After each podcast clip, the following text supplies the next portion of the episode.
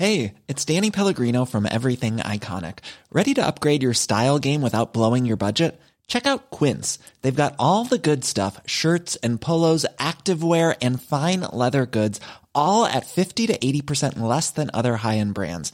And the best part? They're all about safe, ethical, and responsible manufacturing. Get that luxury vibe without the luxury price tag.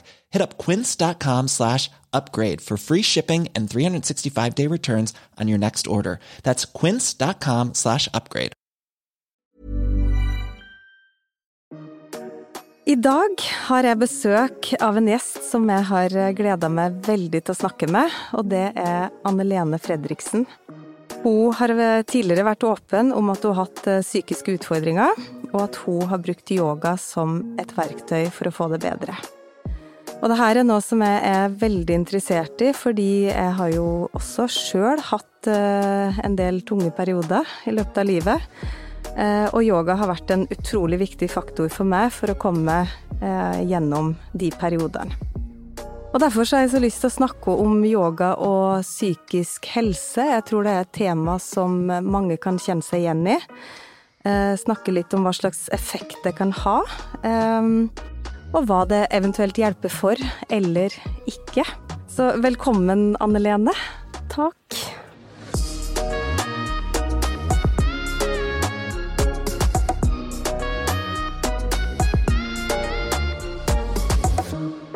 Så utrolig fint at du hadde lyst til å komme og dele din historie. Veldig hyggelig å få komme. Mm. Så takk. Jeg kjenner jo det eh, ganske godt. Mm. Um, og vet at det sitter jo litt inne å snakke om sine eh, innerste personlige historier, så jeg syns det er veldig tøft av deg å ville dele. Jo, takk for det. Mm. Men du, jeg har lyst til å starte med å spørre deg om hva er det mest fantastiske med yoga for deg? Åh, det som er det mest fantastiske, det er den følelsen det gir meg å praktisere yoga. Og at yoga alltid er der. Jeg tror det er noe av det jeg syns er det fineste med yogaen, at man alltid, alltid har den, og den man kan praktisere hvor som helst og når som helst, og man er ikke avhengig av noen eller noen ting. Mm. Og det Nei, det, det gir, meg, gir meg masse.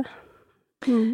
Men hvordan ble du egentlig introdusert til yoga? For jeg har Jeg vet at det var kanskje litt motstand der i starten? Det var det. Det var Jeg syns egentlig i, Før jeg starta med yoga, så tenkte jeg at det var kjempetullete å drive med. Det Jeg har alltid spilt håndball og trent styrke og løpt og tenkt at å bruke tid på yoga, det var, det var noe tull. Bortkasta. Bortkasta tid. Eh, og det skjønte jeg ikke hva man, kunne, hva man kunne få ut av å drive med. Men så hadde jeg en kompis som gjerne ville prøve, som spurte meg mange ganger om jeg ikke bare kunne være med på én time. Eh, så blei jeg jo med til slutt, og er veldig glad for det nå. Det endte jo med at det var meg som blei den ivrige, og han som var med på Han var vel kanskje bare med på det ene kurset, tror jeg. Men det var Nei, det var mye motstand da fra, fra jeg blei spurt om det. Så ja. Men du føler ikke at det er liksom din oppgave nå å få han med på matta igjen? I og med at han eh... Jo, jeg har fått han med. Han har vært på kurs, kurs hos meg, og han er med litt sånn innimellom. Han bare Det var ikke han som fant det at yoga blei viktig i livet hans. Men han, han melder seg på noen kurs innimellom og ja, er med litt sånn sporadisk. Men han ble ikke like bitt som det? Absolutt ikke. det, men det tok vel bare Jeg veit ikke om det var etter første timen eller et par timer hvor jeg skjønte at det Yoga, det er jo er faktisk ålreit. men hva var det som skjedde på Du meldte på et kurs? Mm. Eh, når var det du liksom kjente at eh, shit, det her er faktisk noe jeg liker, bedre enn hva du hadde trodd? Nei, altså, det første var vel at jeg trodde at jeg skulle gå et sted og bare ligge og slappe av og eh, høre på noen eh, snakke om noe greier som ikke jeg skjønte, og så skulle vi strekke litt ut. Og så merka jeg jo at eh, at vi gjorde jo ting som, eh, som var fysisk tungt også, eh, og så at man mm, hadde mye fokus på det med pusten, og det var ikke jeg vant til på den måten, men jeg merka jo da at jeg blir jo rolig, rolig av dette, men jeg kjenner jo at jeg svetter, og jeg, det, det, er jo masse som skjer på en gang. Det er ikke, det er ikke bare å ligge i et mørkt rom og, og slappe av. Så Og hvordan føltes det etterpå? Tenkte å si liksom fordi på et eller annet tidspunkt så må du jo ha skjønt, eh, som du sier, at eh, det her traff deg veldig. Mm. Og du tok jo faktisk steget og ble yogalærer. Ja. Så det liksom Hvordan foregikk den prosessen? Nei, da var det det at jeg eh, fortsatte da å gå på yoga, og det jeg begynte med hatha-yoga, og så prøvde jeg litt på vinyasa, men så var det når jeg begynte med ashtanga, eh, som jeg virkelig fant ut at eh, det er det er dette, dette dette er noe for meg, så da, og da ville jeg bare lære mer og eh, Eh, begynte å praktisere eh, nesten hver dag, og eh, dro rundt på masse workshoper og fant ut at jeg, jeg vil lære mer, så da tok jeg en teacher training. Og da var jeg jo ikke sikker på om det var fordi at jeg skal undervise i dette, men jeg ville bare lære enda mer, da, for jeg følte at det, det ga meg så mye, og merka at jeg kunne eh, lære mye mer ved å ta den teacher-traininga. Eh, så da, da gjorde jeg det etter hvert, og så begynte jeg å undervise også da når jeg var ferdig med det, da. Mm. Så bra. Men la oss, eh, la oss, gå litt lenger tilbake i tid. Mm. For jeg tenker jo at det handler jo kanskje litt om at eh, du hadde jo veldig motstand, mm. men samtidig så hadde du kanskje behov for eh, nettopp et verktøy som yoga. Ja. Og du har jo vært veldig åpen om at du har bipolar lidelse. Ja. Um, og når, når oppsto den Altså sykdommen, kaller man det en sykdom? Ja. ja. Ehm, den, det, er, det er jo litt vanskelig å si akkurat når den oppsto. Jeg merka jo eh, allerede på ungdomsskolen at jeg sleit og blei eh, deprimert, og gikk eh, til Begynte da hos psykolog på ungdomsskolen. Og så gikk det egentlig ganske Eh, bra i noen år, og så fikk jeg barn, eh, så da tok det litt eh, Tok jo det opp mye av tiden. Og var noen år der som det svingte opp og ned og Men det var ikke helt helt krise, liksom. Jeg var ikke var ikke helt i kjelleren. Men så var det etter jeg hadde fått Eh, han andre sønnen min i 2010, eh, som da de merka mens jeg var eh, gravid at ting ikke var helt som det skulle, da. Så da kobla de inn noe som heter spedbarnsteamet, som mm. skal hjelpe til hvis man har en fødselsdepresjon eller, eller noe. Eh, for da hadde jeg ikke fått diagnosen ennå.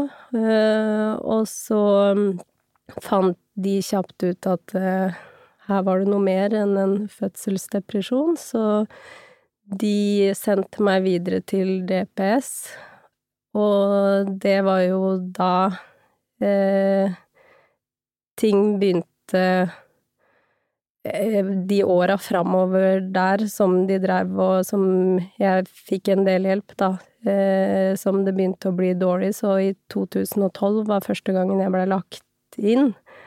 Eh, og det var da jeg fikk eh, diagnosen, da, så da hadde de jo jobba en stund med å prøve å finne ut, og vi prøvde forskjellige medisiner og ja. Men det var da, når jeg var innlagt første gangen, da som jeg fikk diagnosen. Men hvordan uttalte seg? Altså, jeg fikk jo barseldepresjon med min nummer tre, mm. eh, og den kom jo under eh, svangerskapet. Mm. Eh, og det også var jo en lege, altså fastlegen min, som, som egentlig bare skjønte at jeg var Eh, altså, jeg var langt nede, liksom slet eh, liksom psykisk, men som da skjønte at eh, Det heter kanskje ikke fødselsdepresjon da, men svangerskapsdepresjon. Mm. Hvor, hvor, jeg følte at det kom ut av det blå. Det var jo nummer tre, jeg hadde ikke opplevd noe av det under nummer én og nummer to. Mm. Så jeg skjønte jo ikke sjøl at, at, det var det, men da, da, hadde jeg jo det ganske lenge etter fødsel Og ganske tungt å, å skulle da En ting er å ta seg av ett barn, men å ta seg av tre barn. Og i hvert fall jeg som har så sprikende alder, for da hadde jeg jo en mm. tolvåring, en toåring og en nyfødt. Og da eh, ha det så tungt at jeg orka jo nesten ikke å stå opp på senga og liksom skulle ta vare på tre barn. Mm. Eh, men, eh, og jeg fikk jo også hjelp eh, i den perioden, men, men ikke sant, det når mitt liv, på en måte, når, jeg, når, hun ble litt eldre, når jeg liksom kom i gang igjen, i mitt tilfelle, når jeg liksom fikk tilbake yogapraksisen min, mm. følte at jeg liksom jeg kunne begynne å jobbe litt, så begynte jo ting bare å falle på plass igjen. Eh, hos meg så ble det jo også avdekt veldig tidlig at jeg sov for lite. Mm. At, jeg, at det var liksom rett og slett manko på søvn som gjorde til at jeg, jeg var så skjør, eller mm. var så langt nede, da. Mm. Men, men Eh, hva var det da som gjorde til at de skjønte at det her var mer alvorlig enn en bare fødselsdepresjon? Eh, det var vel fordi vi begynte å prate, eh, og de da skjønte at dette har vart i mange, mange år. Mm. Det er ikke Det er ikke noe som dukka opp når jeg var gravid, og det var før jeg fikk fikk uh, førstemann også, som jeg hadde hatt sånne perioder. Så det Da fant de jo ut uh, at de Ja, dette da hadde vart lenge, da. Mm. Men jeg brukte jo mange år på hvor jeg syns, uh, syns at det var veldig flaut, så det, det også gjorde jo kanskje at det tok så mange år som jeg svingte, fordi jeg I hvert fall når jeg var tenåring, så var jeg egentlig ikke noe interessert i å få den hjelpa hos en psykolog sjøl, men det var mamma og pappa som uh, så at uh, jeg måtte ha noe hjelp, men jeg var jo ikke noe interessert i å prate eller Så det var jo sikkert ikke så lett å hjelpe meg. Mm. og så Eh, når jeg gikk hos psykolog da seinere, så var jeg ikke så åpen om åssen ting hadde vært, for igjen så syntes jeg ting var flaut. Jeg mm. ville ikke være syk, og jeg ville bare være normal, så jeg snakka ikke om det. Eh, så det var jo mer det da, når jeg begynte å fortelle om hvordan ting, eh, ting var og hadde vært i mange år. Og så har jeg en kjempe, kjempefin mann, som også var veldig aktiv, hvis man kan si det. Ehm, når jeg var hos psykologer og var ofte med på time og fortalte åssen han så ting, og så det var vel hele det bildet de satt sammen da, når de så hvordan, eh, hvordan ting hadde vært i så mange år, da, at det mm. ikke bare var, var eh, i forbindelse med graviditet og fødsel. Mm. At eh, de skjønte at det må være noe annet. Mm. Og da begynte vi også å snakke om, for når du er bipolar, så er det jo Man kan jo ha bipolar 1 og bipolar 2, og hvis man har bipolar eh, type 1, så er man noe som heter manisk, eh, som eh, At man er veldig høyt oppe. Hvis du har bipolar 2, så er man noe som heter hypoman, og da er man høyere oppe i energinivå enn vanlig. Eh, sover mye mindre og har masse ideer og er kjempekreativ og finner på mye, mye rart. Eh, som de også da eh, skjønte når vi begynte å fortelle at eh, jeg hadde jo de periodene også. Mm. Um, så det Det Det blei jo da funnet ut fordi vi vi begynte å være mer åpne, da. Mm. Tenkte at det skulle ikke være flaut lenger. Mm. Men, men, hvordan er da eh, livet Altså, eh, jeg kan jo kjenne meg igjen litt, da. At mm. man har liksom perioder hvor man har masse energi mm. og, så du sier, kreativ og mm. eh, Og så har man jo perioder hvor man liksom åh, er mm. ordentlig tung og daff og mm. Altså, jeg kan jo bare kjenne på at jeg blir sånn høstdeprimert, ikke ja. Eh, så det er jo liksom det der skillet mellom hva er normalt og hva er ikke, men liksom hvordan er livet til en som da er ordentlig bipolar? Det er jo litt sånn uh... Ja. Um, jeg sliter jo mest med depresjoner. Det er ikke så ofte jeg er uh, hypoman. Man skulle vel kanskje ønske at man var det litt oftere. ikke at det er bra, men uh, Eh, jeg, men jeg også kan jo merke på sånn vanlig depresjon, på en måte, som man er sånn at eh, Ja, høstdepresjon, mm. eller eh, Man merker Jeg merker jo forskjell på, på det å være nedstemt, og når det blir Når jeg blir ordentlig deprimert, der hvor alt blir svart, da. Da begynner det ofte med at jeg sover mye mer, eh, og så vil jeg ikke gå ut av soverommet, og jeg kan gå ned på sofaen.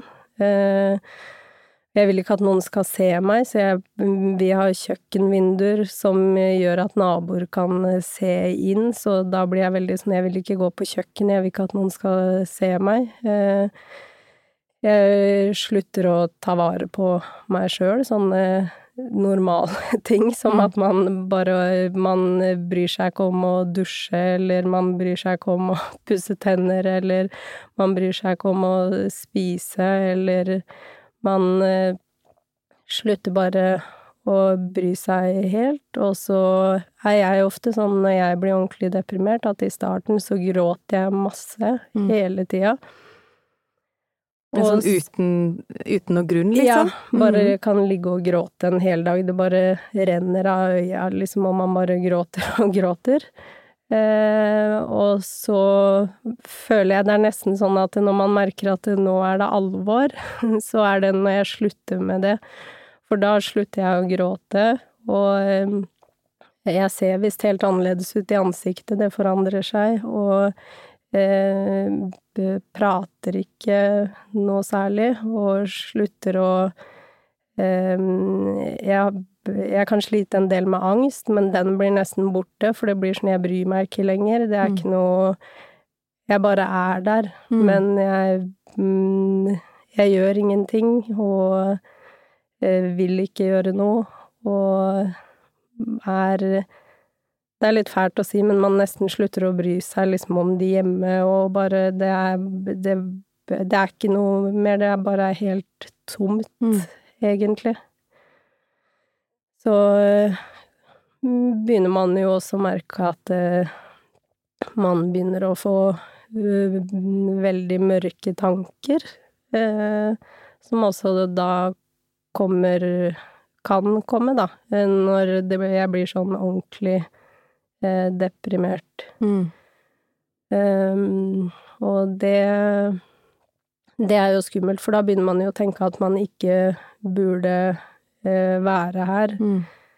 Um, og, og man hører liksom ofte om sånn at eh, med i forhold til selvmord og sånn, at eh, folk som tar selvmord er egoistiske, og at de kan dra fra barna sine, eller dra fra det, eller Men når når jeg er da på mitt mørkeste, så blir tankene helt motsatt. At jeg tenker sånn Jeg er så egoistisk som ikke klarer å liksom gjøre barna mine og mannen min den tjenesten ved å bare de ta selvmord, så de slipper, slipper å forholde seg til dette, liksom. Mm. De fortjener eh, De fortjener en eh, ordentlig mamma, en ordentlig eh, kone, og så er de på en måte stuck med meg, Mm. fordi jeg er for feig til å ikke klare eh, å gjøre noe med det. Så det, og det merker jeg jo nå, nå som jeg ikke er deprimert, at det syns jeg er er, er eh, skummelt. Mm. Eh, for jeg har hatt noen eh, det, sånn eh, tre ordentlige selvmordsforsøk som har blitt stoppa akkurat rett før, liksom. Mm. Som jeg nå syns er, er ekkelt og skummelt å tenke at eh, at jeg var så nærme, da. Jeg blir litt satt ut, fordi jeg syns jo det her er veldig tøft. Ehm, Men, eh, men da skjønner man jo også litt hvordan hodet fungerer når man er syk. Mm. Fordi man At man tenker det. Mm. At man, at man er mislykka fordi man ikke klarer å avslutte livet sitt, Ja. ikke sant? Ja, for nå er det jo helt annerledes. Nå er det jo sånn at jeg tenker så skummelt at man kan klare å liksom være så nær på å gjøre, gjøre det, selv om man er på et sånt sted, liksom. Mm. Så eh, det Men og da er det så fælt når man hører om eh, Hvis folk snakker om det med selvmord, at man er eh, egoistisk og sånn, for jeg veit sjøl den Mm. følelsen du sitter med, at eh, man tenker ikke at jeg skal gjøre I hvert fall ikke jeg, nå kan jo ikke jeg snakke for alle. Men det var ikke det jeg tenkte, at nå skal jeg gjøre dette for min del. Det var sånn Dette må jeg gjøre så de kan få et bedre liv, Mm. liksom. Så eh, det føles bare helt feil når man snakker om at det er egoistisk, for det er ikke det, er ikke det man klarer å se sjøl, da. Nei. Ja. Nei, og jeg har jo dvelt lenge eh, eh, om jeg skal snakke om det her. Mm.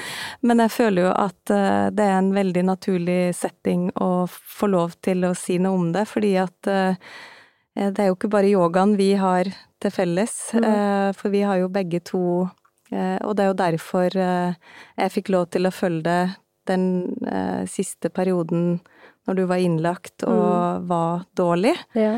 Eh, det var jo fordi jeg hadde vært åpen med deg om at jeg har jo også faktisk vært på Blakstad. Mm.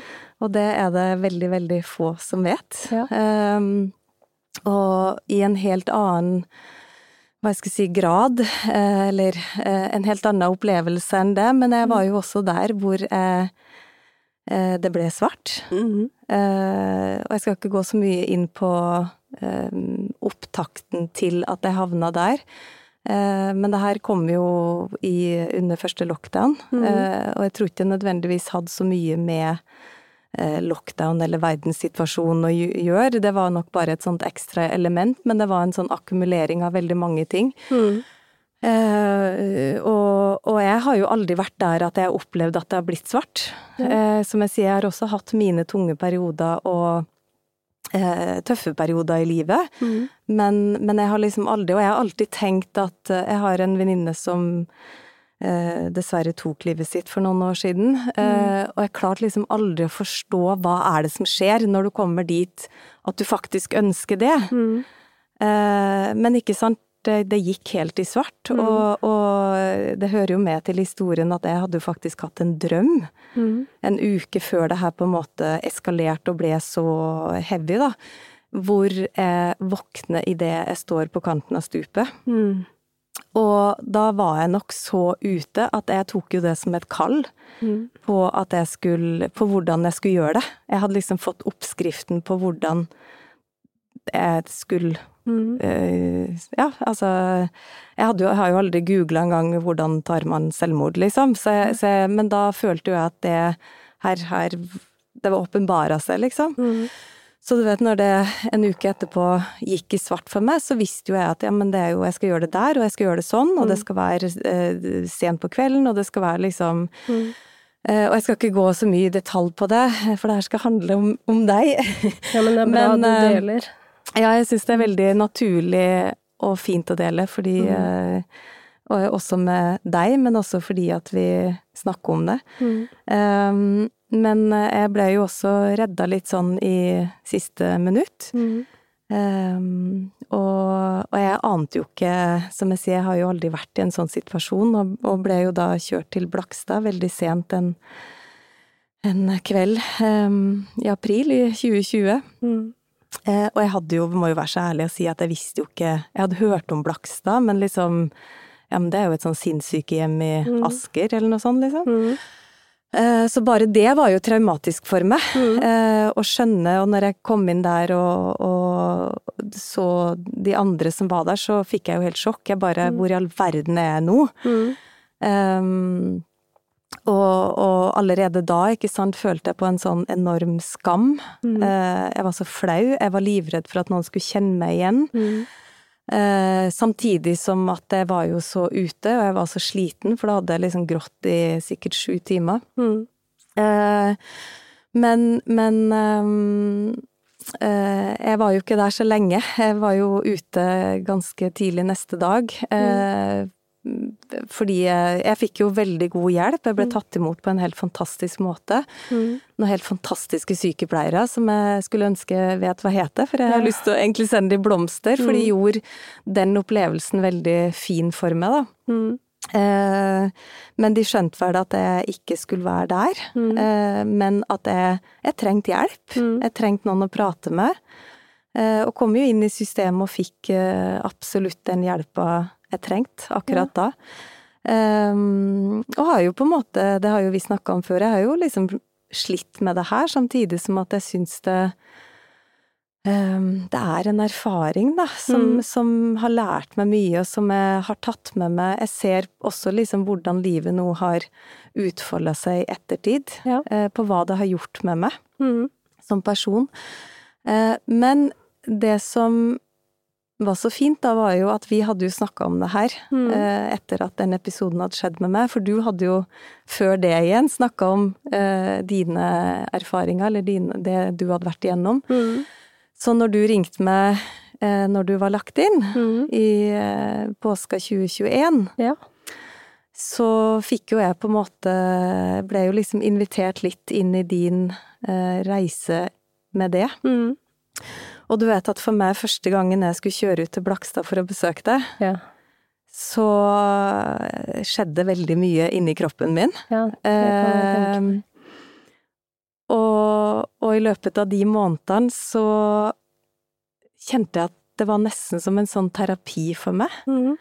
Eh, fordi jeg på en måte fikk møte det stedet som var så skummelt for meg, som innebar så mye skam, som Ja, som bare hadde har liksom Det er et lite sånn vendepunkt i livet, tror jeg. Mm.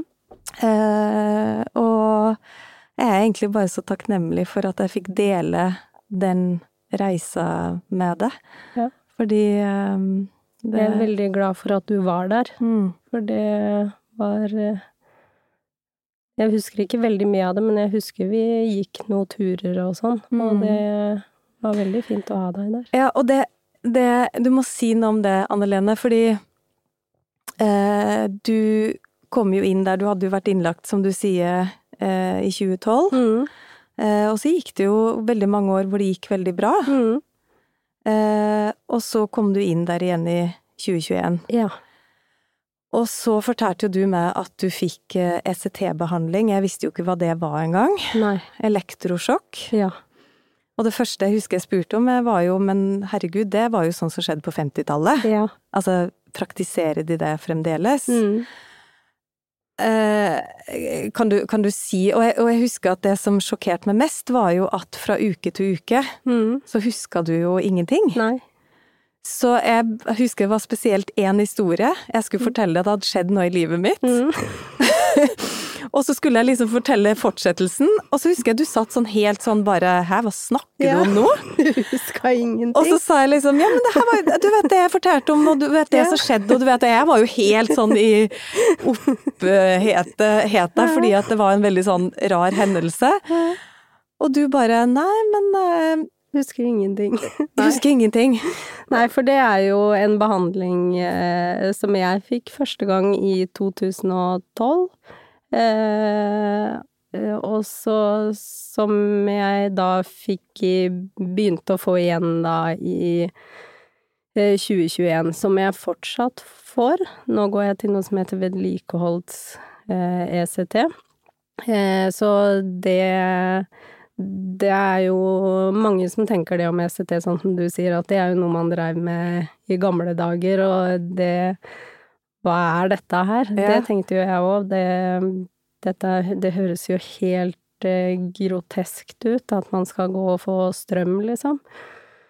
Eh, og det er jo ikke alle det har effekt på. Noen har det, noen har det veldig god effekt på, og det har det jo på meg. Det hjelper meg å komme over de verste depresjonene. Og det er jo ikke noe man får ECT er jo ikke noe man får hvis man ikke er i en alvorlig depresjon. Eh, for det er jo kjipe bivirkninger. Det er jo bivirkninger at jeg eh, når jeg, er, når jeg var deprimert og var på Blakstad, så var jeg jo der først i tre måneder, og så Og da fikk jeg det tre ganger i uka. Eh, og så, når man går over til vedlikeholds-CCT, så går man ned til én gang i uka.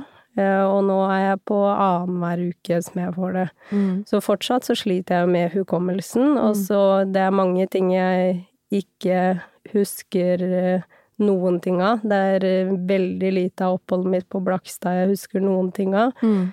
Og månedene før husker jeg ingenting av. Eh, det skjer fortsatt ting som Det kan være at om noen måneder så husker ikke jeg at jeg har vært her. Heldigvis så har vi det på opptak, det, da. Og det, det, som eh, Jeg gifta meg i 2012, det husker jeg ingenting av. Det, jeg håper dere hadde en eh, god fotograf som var foreviga. Jeg har sett bilder, det så ut som jeg hadde det gøy. Men, men jeg merker jo at det er jo Selv om det er en kjip bivirkning, så er det jo det som fikk meg fort ut av depresjonen. Fra jeg begynner, begynte med ECT-behandlingen, så tok det et par uker eller noe bare fra det var stor forandring fra hvordan jeg egentlig var, og så tok det ikke eh, så lang tid da før jeg kunne bli skrevet ut. Så for meg så ville jeg jo heller sitte her og ikke huske en del av dette året, da, også tilbake i 2012. Eh, men være her. Mm. For jeg veit at eh, hadde jeg ikke fått den behandlingen og ikke hadde kommet over den depresjonen Jeg har prøvd masse forskjellige medisiner, eh, og det Da kunne det jo vært sånn at jeg fortsatt var alvorlig deprimert og prøvde å ta selvmord og ikke ville være her, og da er jeg jo Nå er jeg jo i hvert fall her for guttene mine og for mm. mannen min, og jeg opplever jo ting, selv om jeg kanskje ikke husker så mye av det mm. akkurat nå, men jeg vet jo at det kommer jo tilbake igjen.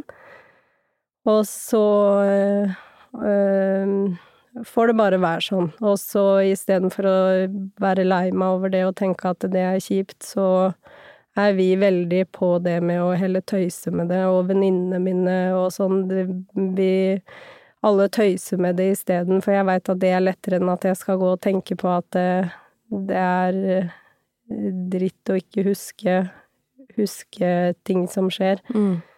Så mm, da vil jeg heller, heller eh, glemme, glemme litt ting, og så være her og oppleve de tingene jeg glemmer, da. og så får jeg ta bilder.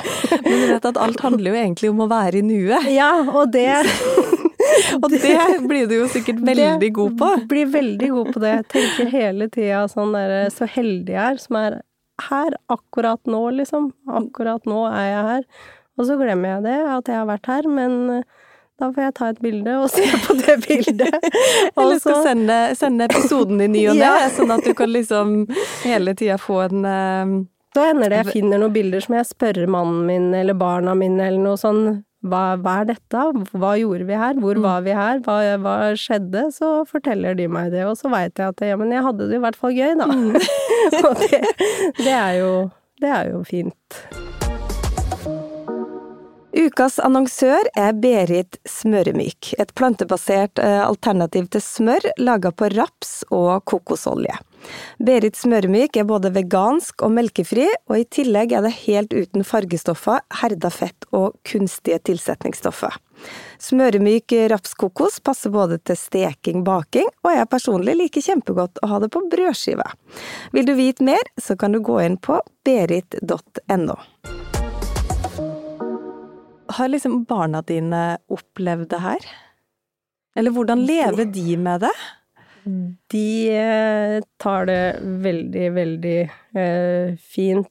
Eh, vi har alltid vært veldig åpne med dem, eh, og jeg har snakka med dem før jeg kom hit i dag, om mm. De kjenner til hele historien, og de vet om, om hvordan ting har vært, og jeg, vi har alltid vært vært eh, veldig åpne med dem, og eh, vi kan snakke alvorlig om det, og vi kan tøyse med det. Mm. Og litt av grunnen til det også er jo fordi bipolar lidelse, det kan være arvelig. Mm. Eh, så jeg vet at det er jo en liten sjanse for at barna mine kan få det samme. Og at det kanskje kan være med på å gjøre det lettere for dem, da, hvis de Eh, vet at eh, eh, de kan snakke fritt om det hjemme, mm. for det har alltid vi gjort. De kan være åpne, og, og de spør hvis de lurer på noe, det Men de tar det, tar det veldig eh, fint. Mm. Så ja, jeg føler jeg har vært heldig med dem. Eller de er heldige som har det, og så har du jo, som du sier, en fantastisk mann som ja. har uh, stått der. Dere har jo vært sammen siden dere var veldig unge? Ja, det har vi. Vi har eh, vi, Nå har vi vært fast sammen siden vi var 18 år. Men vi var eh, kjærester eh, masse på barneskolen. Slo, slo opp hele tida, og så blei vi sammen, og så slo vi opp, og så var vi hos rektor fordi vi klina i skolegården, og det var ikke lov når vi gikk på skolen. Jeg vet ikke om man må til rektor hvis man kliner i skolegården nå, men det måtte vi i hvert fall. Og de åra da når vi var ungdommer på ungdomsskolen og sånn, når vi ikke var kjærester, så eh, var vi alltid eh, kjempetette og gode venner. Så mm. han har liksom alltid han kjenner meg veldig, veldig godt, og jeg kjenner jo han mm. veldig, veldig godt. For han har alltid bare vært her og eh, veldig eh, flink til å eh, Han har alltid vært veldig støttende og forståelsesfull, selv om han aldri har hatt noen problemer med noen depresjoner eller noe, mm. så har han eh, Han har aldri vært noe sånn som eh, blir noe irritert eller syns ting er slitsomt. Eller han syns jo sikkert det er slitsomt, men han sier det ikke, da. Så han er veldig, veldig veldig fin, så jeg er heldig med han. Og ja. det også har jo kanskje hjelpa i forhold til guttene, tenker jeg at de alltid, selv om mm. jeg har vært litt til og fra, så har han alltid liksom De er alltid Han er alltid trygg og sterk mm. og liksom eh, eh, Og han er også veldig åpen og prater og prater masse med dem og sånn, og det tror jeg har vært viktig for dem, at de har, har hatt han som har vært såpass stabil. Mm. Mm. Ja, og det drar meg jo også tilbake til min erfaring rundt Fordi, som jeg sier, jeg har hatt flere tunge perioder i livet. Altså, det, det, er, jo, det er, jo, det livet er, mm. tenker jeg. Vi, ja. vi har oppturer, vi har nedturer. Mm. Eh, men akkurat det jeg refererte i sted, da. Og for meg så Jeg har jo også en fantastisk mann som, som står der alltid, som mm. er liksom stødig som en påle, som ja. jeg pleier å si, og som, som, er flink til å snakke om ting og uttrykke seg og mm. eh, Men og det har jeg jo tenkt i ettertid at um, det at jeg, at jeg har så fin familie, mm. og det at jeg har så utrolig fine venner, mm. som på en måte støtter meg, og, og det handler jo ikke nødvendigvis om at folk er sånn 'Å, går det bra med deg?' og liksom 'Er du deprimert i dag?' eller Nei. du vet sånn, men som bare var der, mm. og som, som, viser at de er glad i det, og liksom Hvor viktig har det vært for deg i de periodene eh, du har har- vært dårlig? Ja, det, det tror jeg har betydd eh, Jeg veit ikke hvordan det hadde gått hvis jeg ikke hadde hatt liksom da Johan, mannen min og barna, og eh, mm, liksom hele familien min, mamma og pappa, brødrene mine og Johans familie og besteforeldre og kjempegode venninner, som eh, jeg også har mange venninner som er fra eh, barneskolen Mm. og alltid liksom eh, er der. Eh, men aldri noe sånn 'uff, stakkars deg', for Nei. det har jeg vært veldig sånn på, at jeg Mm. orker ikke at noen skal synes synd på meg. Nei. Det er det verste, hvis jeg får den følelsen at noen syns synd på meg. Det Mm. orker jeg ikke. Men Mm. bare det at man har folk rundt seg som man eh, veit eh, stiller opp og er der, og eh, jeg hjelper til eh, og ja, og spesielt sånn med guttene når eh, de to gangene i år som jeg har vært lagt inn på Blakstad, så har det jo vært, var det jo var vel tre måneder eller noe cirka begge gangene. Og da har liksom familien og venner eh, som hjelper til bare Man veit at de hjelper Johan da, Mm. med guttene, eller de hjelper til med å handle eller lage middag. Det er bare sånn trygt, det å vite at man, man har faktisk mennesker som bryr seg Mm. Om ikke bare meg, men også dem. Mm. Og eh, at eh, at eh, jeg vet at når jeg kommer ut, så er det ingen som behandler meg noe annerledes, Nei. eller det det er, føler jeg det er veldig viktig. Mm. Ja. Og det husker jeg sa til mange av mine nærmeste venninner, òg, at liksom eh, La ikke det her definere meg. Mm. For jeg er jo den samme personen. Mm. Jeg har bare hatt en livskrise. Ja. Jeg, jeg, jeg havna et sted hvor jeg ikke hadde kontroll, Mm. eh, og jeg har fått hjelp. Ja. Men det er jo ikke dermed sagt det. Jeg har jo vært veldig redd for, og det er jo derfor jeg har Det sitter jo litt inne å dele det her òg, men ikke Mm. sant at det å Jeg har vært så redd for at folk skal definere meg på en annen måte, Mm. eller se på meg med, med andre øyne, at liksom at jeg er en svak person, eller at jeg at jeg ikke er liksom den der samme sterke Mm. eh, liksom I hvert fall veldig mange har inntrykk av at jeg liksom får til så mye, Mm. og du vet liksom ja. så jeg har vært så redd for at man da skal eh, miste den oppfatninga Ja. og, og få et annet syn på meg. Mm. Så spesielt med de jeg har liksom delt her med eh, det å bare ikke behandle meg annerledes. Mm. Så skal jeg heller si fra ja. Hvis det på en måte er der hvor jeg faktisk trenger hjelp, eller Ja. hvor, hvis det liksom er på vei dit igjen. Mm. Men liksom vårt vennskap er akkurat likt. Ja, ja.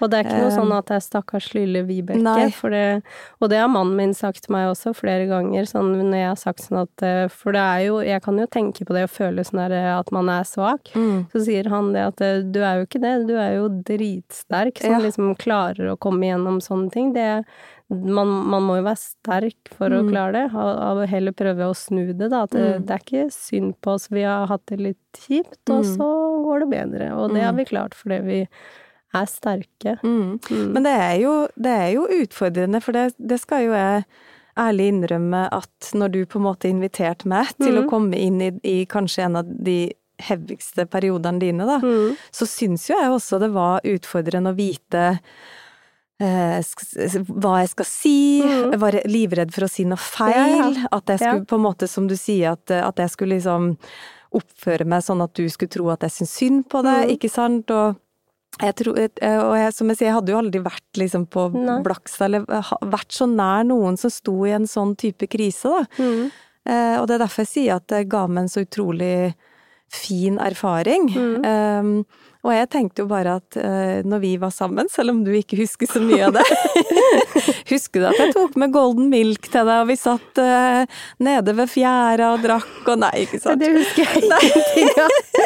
Men det høres hyggelig ut. Ja, vi hadde det kjempekoselig. Ja, så bra. Men da, ikke sant, og da snakka jeg bare om helt vanlige ting. Ja. Jeg fortalte at jeg hadde vært og praktisert, altså jeg fortalte, vi snakka om hund, vi snakka om barn, Mm. jeg snakka om jobb, og liksom Ja. Helt vanlige ting, for jeg tenkte at liksom det, det er på nøytralt, også samtidig som at du fortalte Mm. eh, dagen før hadde du fått eh, ECT-behandling. Jeg måtte jo spørre en del om det, for jeg, Mm. som jeg sier, jeg syns jo det var veldig Mm. eh, skummelt. Mm. eh, men men jeg, jeg tror nok jeg ganske bevisst jobba med å bare behandle det som den venninna som du hadde vært, da. Ja. At det ikke litt sånn intuitivt. Mm. At uh, jeg tenkte at det var fint. Men, men du starta jo med å si at yogaen Det som var, er så fantastisk med yogaen, er at den er der hele tida. Mm. Hvordan har yogaen vært for deg i de årene her? Når, hvilket år var det du starta med yoga? Det var vel i 2013. Ja, så det var liksom rett etter den første gangen. Ja. Ja. Eh, og da hadde du jo mange år som var veldig bra. Mm. Hadde det noe med yoga å gjøre? Ja, det, den hjalp meg jo um, mye. Det, og det, det merka jeg jo spesielt da etter jeg fant ashtangaen, at eh, det hjalp meg fordi det var så eh, Det var dette systemet og de eh, de eh, fem pusta som man hele tida Så jeg kjente at jeg, jeg kunne ha dårlige perioder hvor hodet mitt da bare Jeg følte at det her må jeg ha fullt fokus. Jeg var veldig opptatt av at eh, de tellingene måtte være riktige, og jeg visste som bare for min del at det, jeg må Alt jeg må tenke på nå, det er hva som skjer akkurat når jeg praktiserer. Eh, og da ga jo det meg eh, fri, på en måte, Mm. fra eh, tankene i perioder hvor eh, ting har vært vanskelig. Mm. Så har det jo åpenbart ikke funka når jeg blir ordentlig dårlig. Nei, Men- og det, og det men jeg det er- ja. Men det er jo den Det er jo det Det har hjelpa meg når ting har vært vanskelig, når jeg har vært deprimert, men ikke Ikke helt i kjelleren. At jeg har klart da Og dette er fristedet mitt, liksom. Mm. Her, eh, her får jeg litt fri. Her klarer jeg å la tankene mine være på dette, og ikke kjenne så mye på hva som er vondt, men bare ha fokus på det som skjer på matta. Mm. Så det har hjelpa meg mange ganger. Og det er jo Altså, fordi eh, Spørsmålet er jo liksom Funker yoga, ikke Mm. sant? Og spesielt når jeg hadde prolaps, for eksempel, i 2017, Mm. Så husker jeg fikk den kommentaren at eh, ja, men du skal jo ikke ha vondt i ryggen, du som driver med yoga. Og så er det jo liksom når man, eh, når man har tunge perioder, så er det sånn ja, men du skal jo ikke ha psykiske utfordringer, for du driver jo med yoga. Mm. Så det blir jo i mange sammenhenger satt på en sånn litt sånn pidestall, at Mm. bare man driver med yoga, Mm. så går livet på skinner. Ja. Da skal man ikke ha vondt i kroppen, eller man skal være helt 100% psykisk, liksom. Og sånn er det jo ikke. Sånn er det ikke. Og da vil jo noen si ja, men funker egentlig den her yogaen? Ja, men det, men det har den gjort uh, absolutt hjelpa meg så mye da med å ikke falle lenger ned. Men det, det er jo en sykdom, eh, bipolar lidelse, og den eh, man, man blir jo ikke frisk av en sykdom av yoga, Nei. men den hjelper meg jo til å kanskje ikke dette så langt ned mm, som jeg kanskje hadde gjort oftere hvis jeg ikke hadde hatt yoga som et verktøy som jeg kunne uh, bruke, da. Mm. og jeg har også en del angst, og det hjelper meg masse med angst, det, Mm. for det, det er den, eh, den Hvordan man lærer å bruke pusten og, og eh, og- Men jeg tror det, er, tror det er det som er, har gjort at ashtanga har blitt min eh, den yogaen jeg liker best, for jeg må kjenne også eh, at det skjer noe med kroppen min. Mm. Jeg må bli sliten i kroppen, jeg må bruke kroppen. Jeg er ikke så veldig god på bare meditasjon sånn, fordi jeg, jeg ofte ikke er flink nok til å ikke la tankene bare vandre. Mm. Men da når jeg har den eh, eh, det fysiske som Mm. skjer med kroppen, og eh, så fokus på pusten, så gjør det at jeg har klart å, å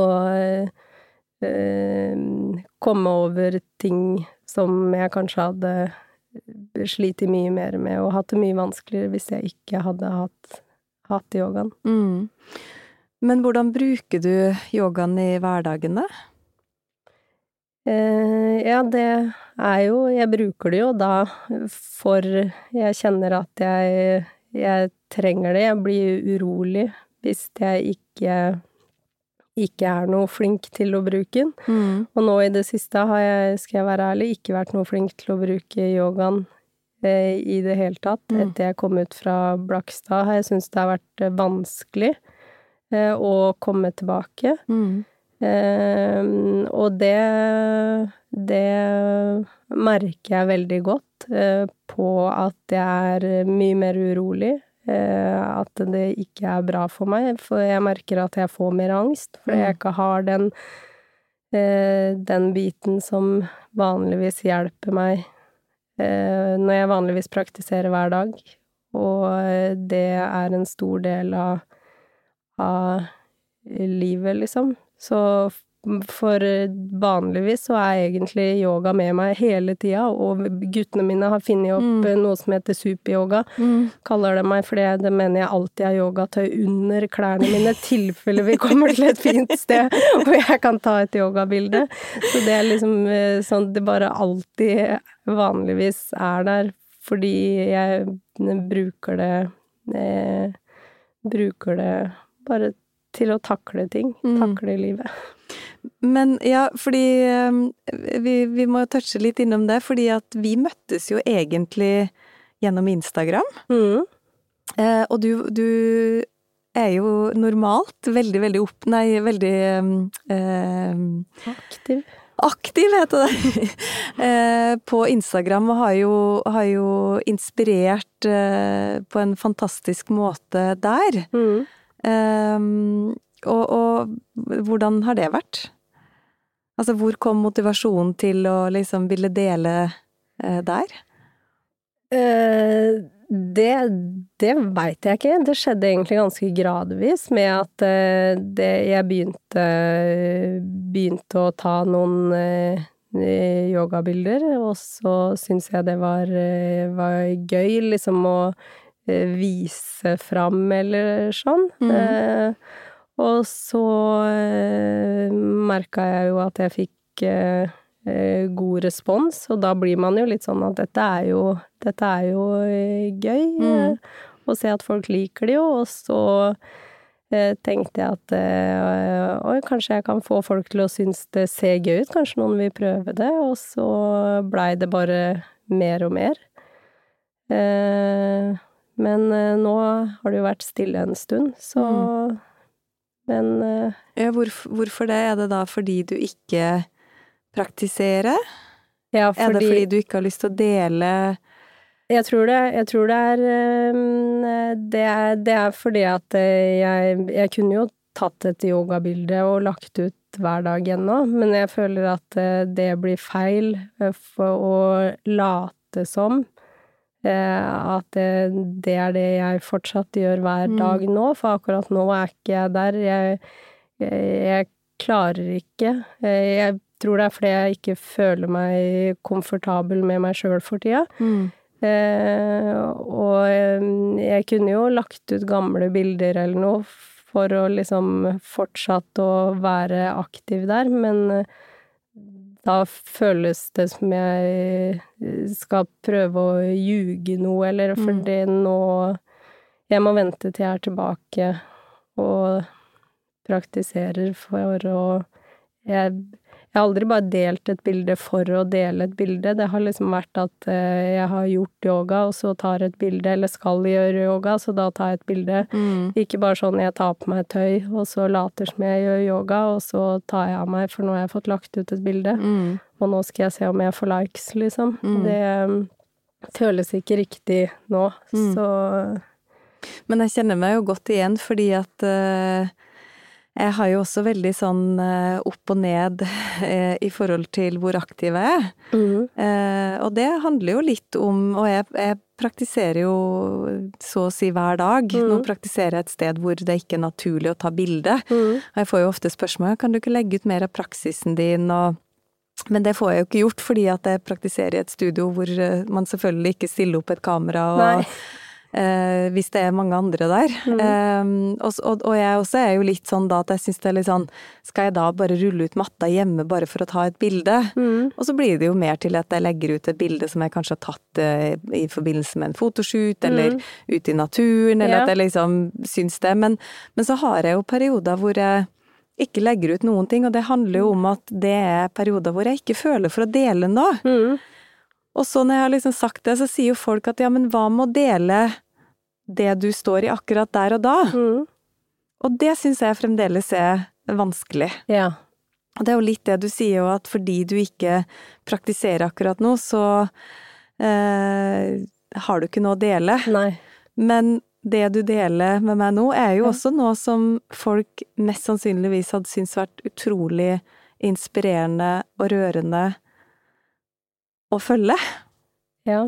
Ja, det tenker jeg at det sikkert bare hadde vært kjedelig. Men eh, jeg har jo delt Jeg har jo delt for eh, Ja, eh, det er en stund siden nå, bare hvorfor jeg ikke er på Instagram akkurat nå, da. Så, men jeg føler liksom at det, det er ikke så mye nytt. Og mm, jeg er jo fortsatt Jeg sliter jo mye med angst og har fortsatt dårlige dager, så jeg er veldig mye hjemme. Mm. Jeg er veldig mye hjemme, og det kan gå liksom eh, en uke da hvor jeg ikke ikke nesten snakker med noen, hvor jeg bare er hjemme. Mm. Så det er jo måte på hvor mye spennende som skjer da i livet, liksom.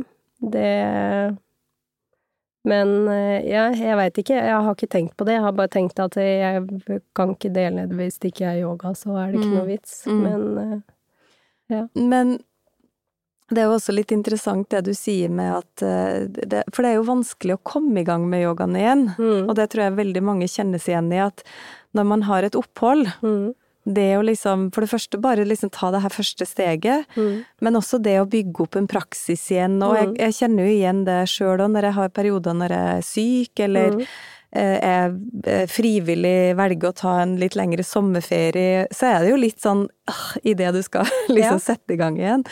Um, og, og noe av det jeg syns er liksom utfordrende, er jo fordi yogaen er for meg en sånn daglig innsjekk. mm, Ikke sant? Idet jeg stiller meg på matta, idet jeg begynner å eh, vende oppmerksomheten innover, connecte med pusten, Mm. så blir du jo liksom konfrontert litt med hvordan du faktisk har det. mm. Og det er ganske tøft Ja. innimellom. Ja. Og jeg har jo gjennom de årene som lærer også hatt veldig mange elever som eh, som gråter etter hver time, Mm. som til slutt bare kommer og sier, vet du hva, altså yoga er ikke noe for meg, fordi at det er for tøft for meg. Det liksom, Mm. det konfronterer for mye med det som er på innsida, og så Mm. tenker jo jeg at åh, ja, men da må du i hvert fall ikke Ja. slutte, for da er Nei. du på vei til å tappe inn i noe som er så bra at du får liksom jobba med å eh, eh, på en måte komme deg forbi. Mm. Men jeg har også full eh, eh, forståelse og liksom respekt for at folk da velger å Ja. trå ut av det.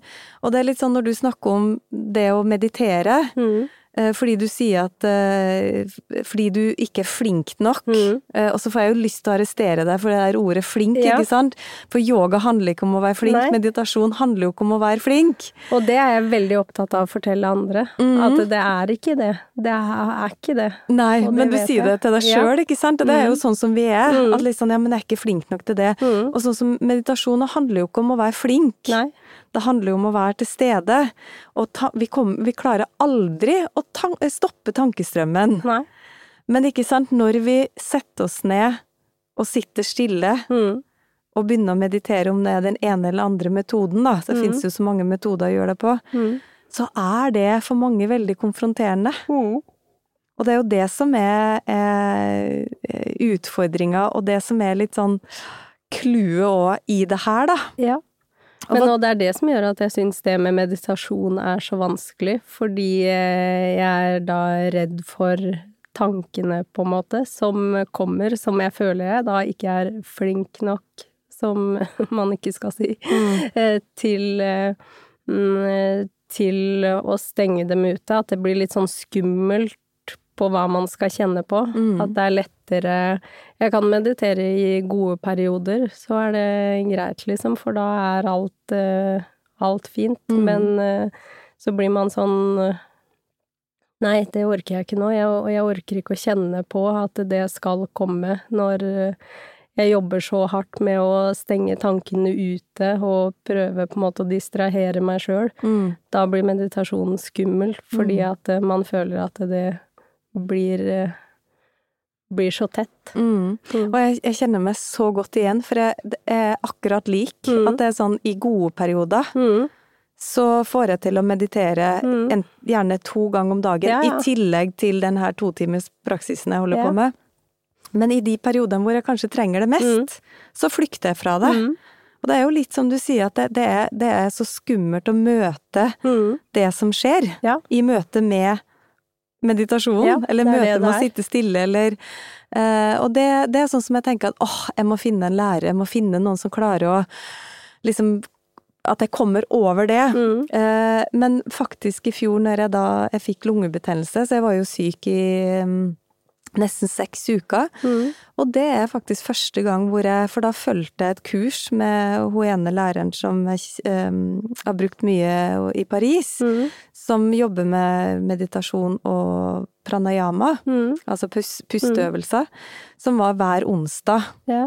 Og da var jeg jo syk, men da satt jeg jo liksom bare oppreist i senga under dyna mm. eh, og fulgte kursene, og så klarte jeg da å gjøre de oppgavene, ikke sant, vi fikk oppgaver fra uke til uke. Mm. Og det jeg merka så innmari godt, var at det var jo en helt annen til, eh, sinnstilstand. Ja. For som regel når jeg blir sjuk, altså jeg kan få influensa en uke, og jeg går altså så i kjelleren. Mm. Jeg er sikkert verdens dårligste på å være sjuk, liksom. Jeg er jo ti ganger verre enn de som har sånn man-flu, liksom. Eller alle våre menn som eh, blir Ja. Eh, men Og det er første gangen jeg erfarte erfart at jeg opplevde å være helt annerledes. At jeg, jeg, jeg var ikke deppa. Nei. Eh, og det tror jeg jo handla om at jeg bare tok det valget. Mm. Om at liksom nå Jeg kan ikke rulle ut matta, jeg var ikke i stand til å gjøre en solhilsen engang. Mm. Men nå skal jeg virkelig prøve å uh, meditere. Men da, mm. da, fulgte jeg jo et kurs, ikke sant, så det liksom, ble ja. veldig strukturert og uh, Men det er jo bare veldig interessant at du sier at du, du sier at du vet at du er rolig. Mm. Du sier at du er egentlig mm. Og du har også sagt at yoga alltid er der. Mm. Så hvorfor velger man ikke å bruke det når man egentlig, egentlig trenger, trenger det? Nei. Det er en sånn uh... Nei, det blir det at det bare akkurat nå føles det skummelt. Mm. Og så er det sånn jeg tenker på hver eneste kveld sånn, men i morgen, da skal jeg. Og så våkner man, og så bare Nei, kanskje, kanskje det gjør et eller annet at jeg får noe dårlig følelse, eller Nei, jeg tør ikke prøve engang. Mye mm. lettere å bare sånn Men jeg veit jo at det alltid gir meg en god følelse, egentlig. Men det bare er skummelt og eh, akkurat nå være inne i hodet mitt. Jeg vil ikke være der. og Nei, og, men, men, ikke sant, det er jo da, sånn som ashtanga-yoga som du har, har, nevnt noen gang, det er jo mm. det som også gjør til at det, det, det, er den formen som tiltrekker meg, og som mm. har gjort til at jeg holdt på med den i snart 20 år, mm. er jo fordi at der har du Fokuset er jo pust, mm. fokuset er på kjernemuskulaturen, banda, mm. og du har et fokuspunkt som mm. du skal se på, mm. samtidig som du gjør den her satte serien av ja. øvelser. Og det gjør jo til, som du sier, at du får fri. Mm. For det er så mye du må tenke eller ha fokus på, liksom, som Ja. ja. Så det tenker jeg jo må være da litt sånn clouet for deg, mm. å tilnærme deg igjen, for å For at da du går jo inn, mm. men samtidig så går du ut. Ja, ja. ut av i hvert fall kaos oppi hodet, da. Men det er det jeg føler med ashtangaen, at man går liksom inn, men du også på fri. Du Ja. er Ja.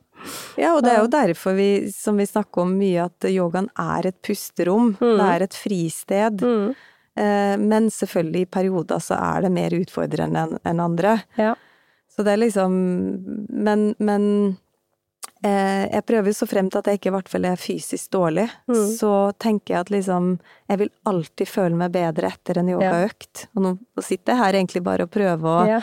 Pushe det pushe litt, at liksom eh, kanskje, kanskje inspirere deg litt til å, å Ja, men det- finne, finne Men, men, men sånn som da i de periodene hvor du var innlagt og sånn, var, var yogaen en del av den perioden i det hele tatt? Da var jeg ikke ute av senga. Så da var jeg ikke Da Nei. Da eh, Da lå jeg jo bare i senga nesten hele tiden. Mm, Bortsett fra når jeg var ute og gikk tur, når jeg fikk besøk, liksom. mm, Så um, ellers så Så var det ikke Var ikke det noe særlig Nei. da. Men det var jo vanskelig, og det var jo rart. Det var jo veldig mye av tida som jeg var der, som jeg var på eh, sånn konstant overvåking. mm. Eh, og da eh, satt jo noen ved siden av meg hele tida. Uansett om man var på do eller liksom. Mm. Og da Så da blei jeg jo veldig Så mm, jeg, jeg husker ikke eh, om jeg gjorde noe yoga der når jeg begynte å bli bedre, rett før jeg blei eh, Før jeg kom ut. Det husker jeg ikke noe av. Eh, men jeg husker jo de par litt, i hvert fall, av noen av de periodene hvor jeg bare var i senga, liksom. Mm. Så da Nei, da sov jeg mest. Og gikk på liksom beroligende og sånn, Mm. så da klarer man jo ikke å Det blir en helt annen Ja. setting, hvor det ikke er Nei. naturlig å Nei. gjøre. Nei. Nei, kanskje Mm. dumt spørsmål, men igjen, Nei, ikke ikke dumt spørsmål. jeg vet jo ikke Jeg har jo ikke vært der over Nei. lang tid, så det er liksom Det er jo litt det å få innblikk i Mm. hvordan det faktisk foregår, da. Ja. Um, men, men altså, nå har du jo holdt på med yoga i mange år, Mm. og det har jo vært en stor del, som jeg sier, jeg har jo møtt deg gjennom yoga. Ja. Eh, jeg møtte deg jo på Yogaviken, og du på en måte har jo vært veldig søkende til det. Mm. Um, hva er det liksom Hva er det du har lært gjennom yogaen? Oi, hva er det jeg har lært? Eller har du lært noe? Nei da. Eller er det bare at det gir deg en følelse som Nei, men jeg, jeg, tror jeg, jeg tror jeg har øh, jeg, jeg har lært eh, mm, Åssen skal jeg si det? Jeg har lært øh, måter, stort sett, da, å ta mer kontroll over Og det har mye med det med pusten å gjøre. Kontroll over eh, spesielt det med angsten min, da. Mm. Har eh, har, eh, har jo yogaen lært meg fordi jeg har lært eh, det med pusten. Eh, det var veldig vanskelig å svare på. Eh, og så du, eh, i hvert fall eh, eh, sånn som jeg har møtt deg, da, så, og du er jo veldig leken i yogaen. ja. Eh, og på en måte Jeg kan jo mange ting som jeg ikke kan. Altså, jeg har jo alltid sagt det. Kan du ikke lære meg å stå på hendene? Jeg har jo holdt på med yoga i 24 år og kan fremdeles ikke stå på hendene. ja, men det må man Eh, ikke. Men det må man jo selvfølgelig ikke, og det er jo litt sånn som vi tuller litt Ja. med at eh, det er kanskje mest gøy for Instagram, liksom. Ja. Eh, Hvis du ikke har det som en del av selve praksisen din. mm. Eh, Men det har jo blitt en sånn, et mål for mange, og liksom, ja. skal man gjøre yoga, så må man stå på hendene. Mm. Men jeg opplever jo det som veldig leken i yogaen, og så har det jo vært så gøy å følge det fordi du har dratt med barna dine på matta, du har dratt med mannen din. Mm. eh, du- Og det gjør vi ofte hjemme, og det er ikke bare for Instagram. At det er sånn vi kan eh, tøyse med at vi kan eh, Vi sitter og kjeder oss, og så er det sånn Å, skal vi prøve på noen triks? Og så kan vi alle fire, da, eh, skal prøve å få til et eller annet sammen, og Eh, mannen min er jo eh, med ganske ofte på noe yogagreier. Mm. Noen ganger fordi han syns det er gøy, noen ganger fordi jeg tvinger han. Nei, men så vi, vi har brukt det mye sånn eh, eh, som lek hjemme også, da. Eh, for det, det syns jeg er kjempegøy med yoga. Å Mm. prøve ut, eh, ut eh, ting. Og Instagram kan jo være litt sånn Man kan miste litt motivasjonen fordi alle er så veldig flinke, og Mm. man bare Og det Men så ser man jo også ting der som eh, man eh, blir litt sånn Oi, det vil jeg også prøve. Det vil jeg eh, teste ut. Og så kan man ha det kjempegøy sammen. Mm. som med paryoga eller Eller eh, å få med barna. Og guttene mine er jo 17 og 10, så det er jo ikke så ofte de har lyst til å leke med meg og Johan lenger. Og da er det jo kjempegøy hvis vi finner et eller annet bilde som ser gøy ut, som de syns ser gøy ut, og så kan vi prøve det sammen. Så da, da kan vi ha det gøy en stund hjemme med det. Så dere er jo egentlig en sånn skikkelig yogafamilie? Ja, det, det har hendt at eh, mannen min er med, er med eh, innimellom. Han har jo gått fast på kurs hos meg i eh, ja, et par år Mm. på Ashtanga, og syns han liker det veldig godt. Mm. Han har faktisk fått med seg en kollega òg som eh, liker det. Og da har det også hendt at guttene finner en matte og så blir med, og så jeg gjør ikke de hele primary, kanskje, men de kan er med sånn litt på solhilsener og sånn, så det, det er moro. Det er jo fantastisk å introdusere det for Mm. de i ung alder. Ja. Og så må de jo få lov til å utfolde seg eh, videre, tenkte jeg å si, om Ja. det er noe. Det er jo samme med min eldste, som har vært med på yogaturer og mm. yogatimer, og jeg vet jo at hun elsker det, men det er jo ikke det at hun gjør yoga hver dag for det. Nei, nei. Men at det har alltid vært sånn, hun er velkommen, Mm. og så må hun liksom få lov til å styre, og kanskje en dag så er hun yoga Ja. lærer hun òg, jeg vet Ja, ikke, nei. kanskje ikke. Det er liksom, og det er ikke så viktig det, men, men du valgte jo å ta det steget og bli yogalærer. Mm. Eh, hva syns du er så fint med det? Ja, jeg syns det er fint, eh, fint eh, å, eh, å gi yoga til andre. Eh, og der også syns jeg det er gøy på timer eh, når jeg underviser, eh, at man innimellom kan eh, eh, Siden det er ashtanga, som egentlig er veldig strengt, på en måte, da, og noen ganger bruke litt tid på å prøve på noe triks, eller ha det litt gøy, eller å vise liksom Spesielt hvis det kommer folk som er litt sånn negative som jeg var til yoga, da.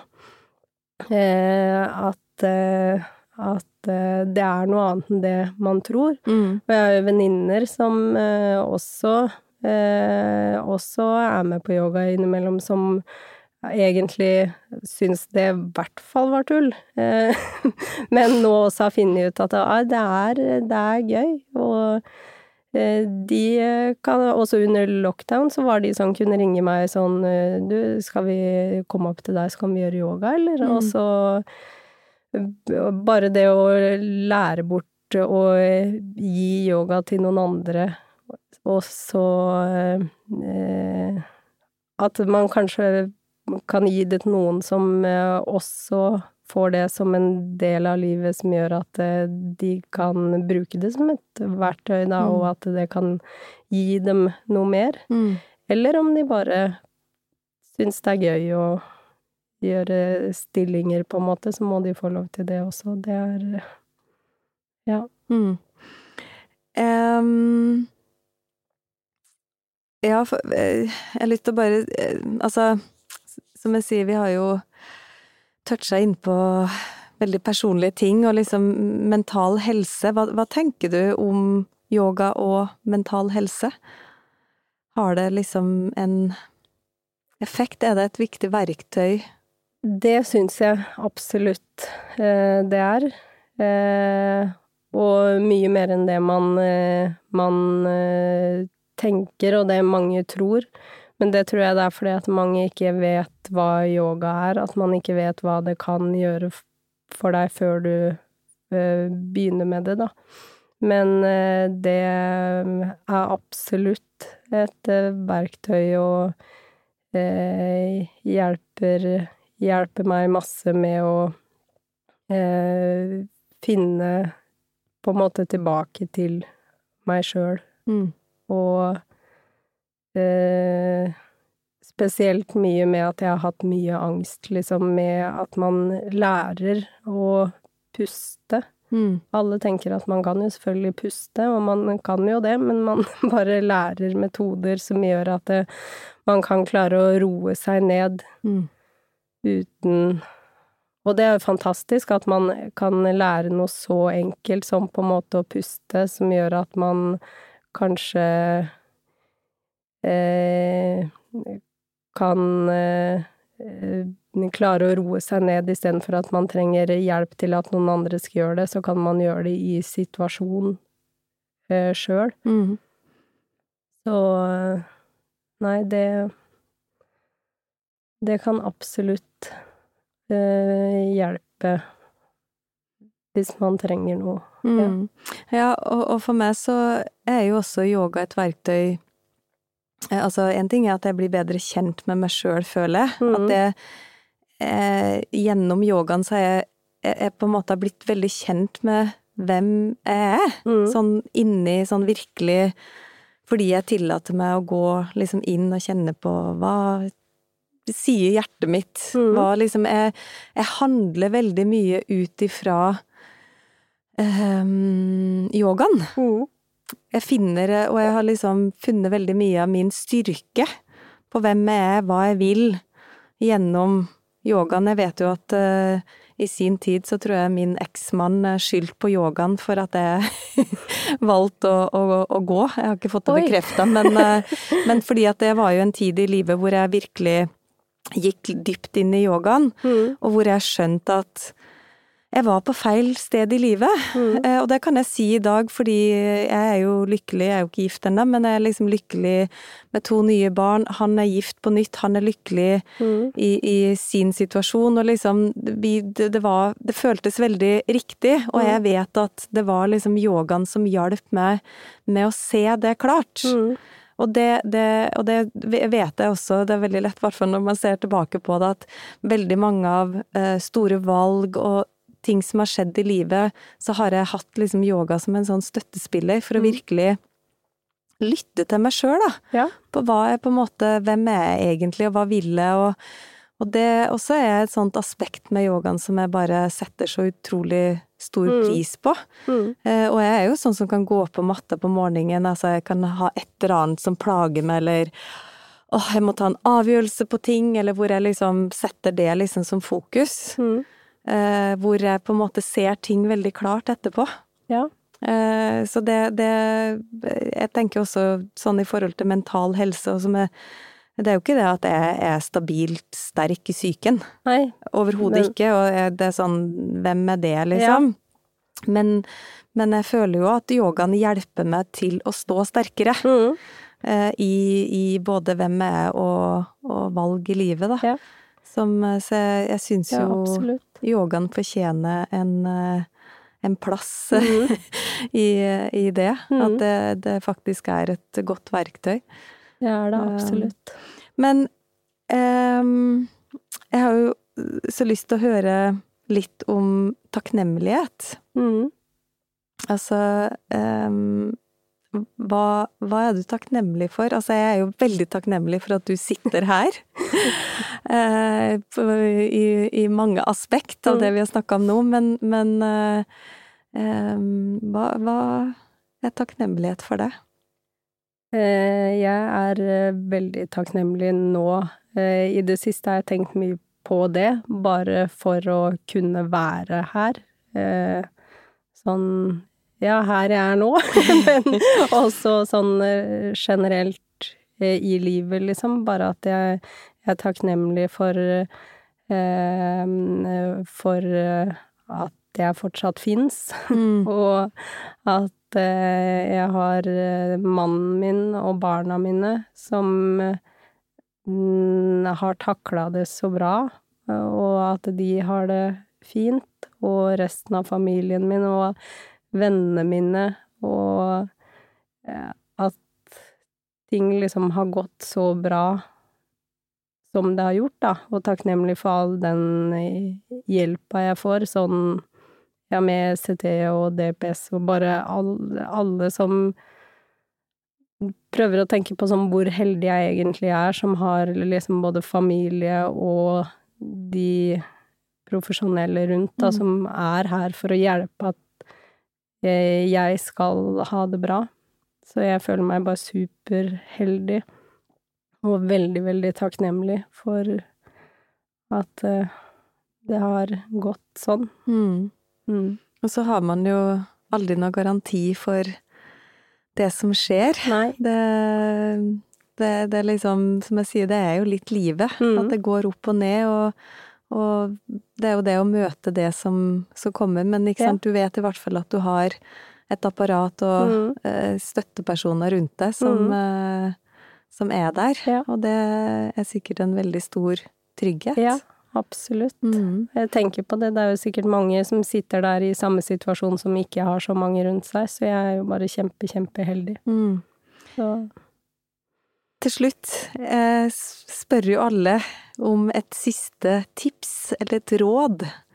Altså, det kan være yoga, livsstil, et eller annet som på en måte får eh, livet til å være bitte litt bedre. Har du et tips du har lyst til å dele? da er det jo selvfølgelig å begynne med yoga. Hvis du ikke gjør det. Nei. Nei, det er eh, Prøv å ikke ta ting så eh, seriøst, alt så alvorlig. Mm. Sånn, vi er jo i en kjip situasjon alle sammen nå med korona, liksom, og det er eh, dritt, men kanskje prøve å tenke at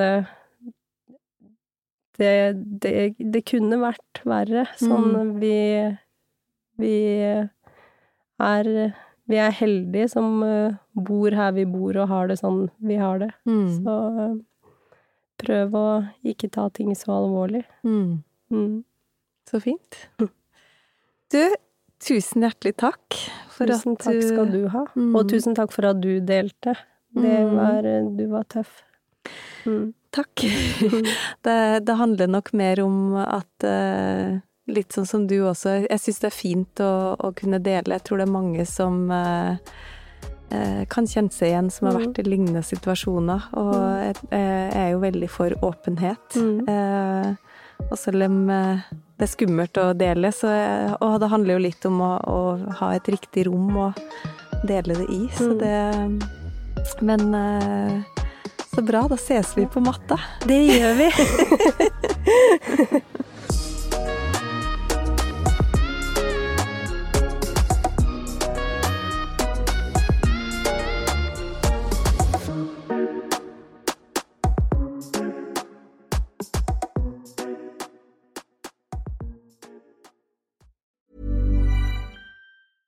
Ever catch yourself eating the same flavorless dinner three days in a row? Dreaming of something better? Well, HelloFresh is your guilt free dream come true, baby. It's me, Gigi Palmer. Let's wake up those taste buds with hot, juicy pecan crusted chicken or garlic butter shrimp scampi. Mm. Hello Fresh. Stop dreaming of all the delicious possibilities and dig in at HelloFresh.com. Let's get this dinner party started.